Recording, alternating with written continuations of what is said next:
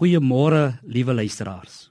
Ek wil die volgende paar oggende die fokus plaas op die psalms wat die asemhaling van die gelowige, die intrek van die lewegewende asem van God se woord en die uitblaas van die uitgediende menslike vrae en vrese en nood is. Daar is baie psalms wat iets sê van God se liefde en goedheid. Wanneer jy hom wil dank en loof en prys, sal jy psalms teekom wat in jou hart is. Ook wanneer jy moedeloos of ontsteld of bang of onseker is, sal jy vind dat hierdie bundel saam met jou huil of kla of bly wees. En daarom is ons tema wees soos 'n boom wat geplant is by waterstrome, grond van Psalm 1.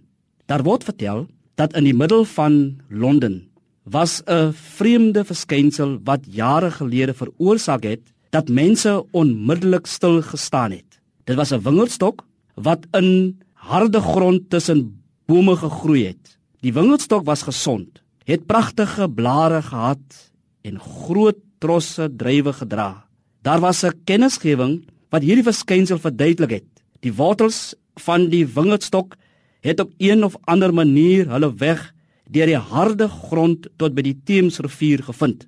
Hierdie verhaal help ons om te verstaan dat die lewe van die regverdige geheel en al van die water van die woord afhanklik is. Ons dra nie vrugte as beloning vir ons getrouheid aan die woord nie. Dit is die natuurlike gevolg van ons verbondenheid aan God en sy woord. Ons kry nie krediet vir die groei in ons lewens nie. Dit is die gevolg van God se genade en woord. Ons neem onsself nie ernstig nie. Ons is geheel en al afhanklik van sy woord. Dit is die pad na ware geluk. Psalm 1 was waarskynlik bedoel om as 'n poort of toegang tot die res van die Psalmboek te wees. God is betrokke by die pad van die regverdige Die water wat Jesus aan ons gee, beëindig ons ewige dors. Na en gee die ewige lewe. Kom ons sing saam met die gesangdigter. Soos 'n waterstroompie wat dieper vloei is God se vredegawe as dit in ons groei.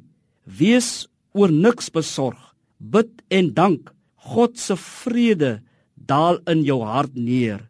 Ons is dus groen bome by waterstrome wat in die wêreld sy vrug moet voortbring. Lewe buite hierdie gemeenskap as ons skaf voortgedryf deur die stormeinde onderweg na 'n onblusbare vuur. Die keuse is dus of ons boom wees, vrug dra onder die heerskappy van sy gees of wil ons voortdryf in hierdie wêreld. Amen.